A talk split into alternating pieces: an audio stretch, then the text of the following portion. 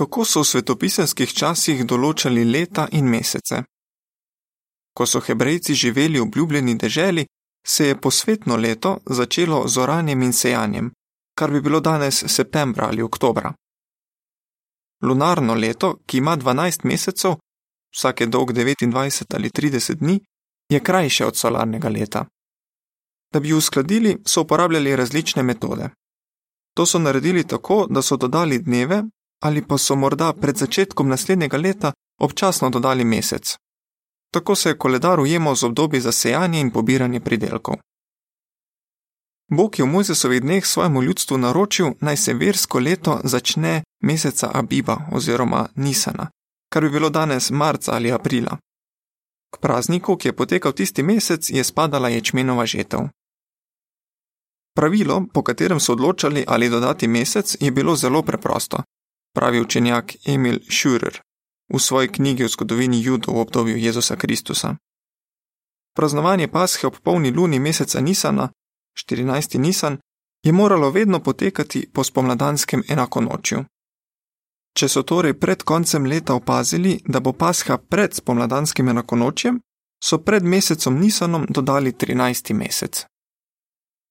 Jehovove priče upoštevajo to pravilo, ko določajo ustrezen datum gospodove večerje, ki poteka spomladi in ustreza 14. Nisanu judovskega koledarja. Občine po svetu so o tem datumu vnaprej obveščene. Kako pa so hebrejci vedeli, kdaj se en mesec konča in nov začne? Danes lahko enostavno pogledamo na natisnjen koledar ali v aplikacijo na elektronski napravi. V svetopisanskih časih pa ni bilo tako preprosto.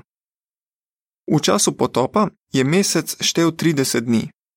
Kasneje pa koledarski mesec pri hebrejcih ni bil vedno dolg 30 dni. Začel se je, ko se je po mlaju prvič prikazal lunin srp. To je bilo 29 ali 30 dni po začetku prejšnjega meseca.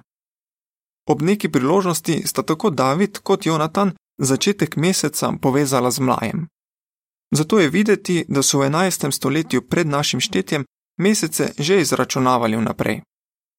Kako je lahko Izraelec vedel, kdaj se je nov mesec začel? Nekaj informacij o tem izvemo iz Mišne, zbirke judovskih ustnih zakonov in tradicij. Mišna nakazuje, da je po vrnitvi judov iz Babilona o tem odločal Sanhedrin oziroma judovsko vrhovno sodišče. To sodišče se je zbralo 30. dan vsakega od sedmih mesecev, v katerih so bila praznovanja. Ti moški so bili odgovorni, da so določili, kdaj se bo začel naslednji mesec. Kako so to naredili? Določeni moški so na višjih točkah okrog Jeruzalema opazovali nočno nebo. Pozorni so bili na to, kdaj se bo prvič pojavil lunin srp. O tem so hitro obvestili Sanhedrin.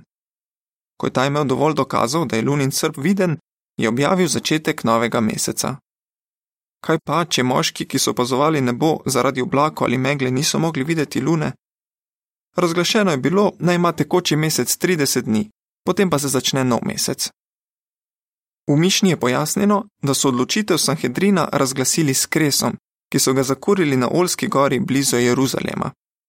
Takšne kresove so zakurili tudi na drugih višjih točkah po Izraelu.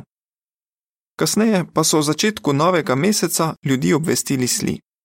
Tako so ljudje v Jeruzalemu in drugot vedeli, da se je začel nov mesec in vsi so lahko praznovali praznike istočasno. Konec članka. Če želite več informacij, prosimo, obiščite naše spletno mesto www.jdvojniv.org pošiljka sl. Konec revije.